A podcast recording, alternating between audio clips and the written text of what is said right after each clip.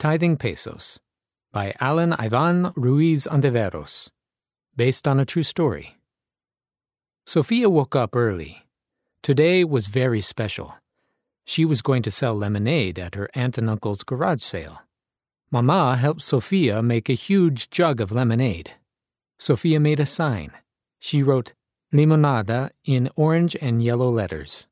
She taped it to a little table. Then she sat down to wait. Soon a man came by. May I have a cup? he asked. He put some pesos in her jar. Sure, Sophia said. She poured him a cup of lemonade. More and more people came to look at the garage sale, and little by little they bought the yummy lemonade. The morning passed happily. Soon all of the lemonade was gone. Sophia took her jar. The pesos jingled. She had so many. Good job, Papa said. Sophia had never had so much money before. I'm going to buy a yo yo. Papa smiled.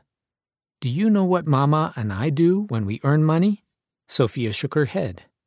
We pay tithing, Papa said.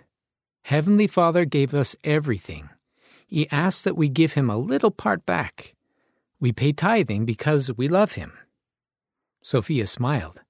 She wanted to show Heavenly Father that she loved him too.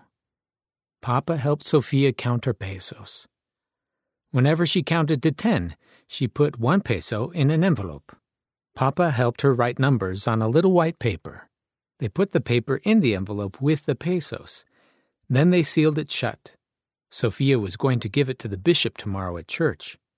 How do you feel? Papa asked Sophia. So happy. I still have money for a yo yo. She felt Heavenly Father was happy with her choice. The author lives in Chihuahua, Mexico.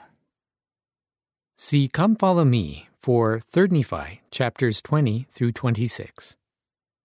End of Tithing Pesos, read by Corey McClellan.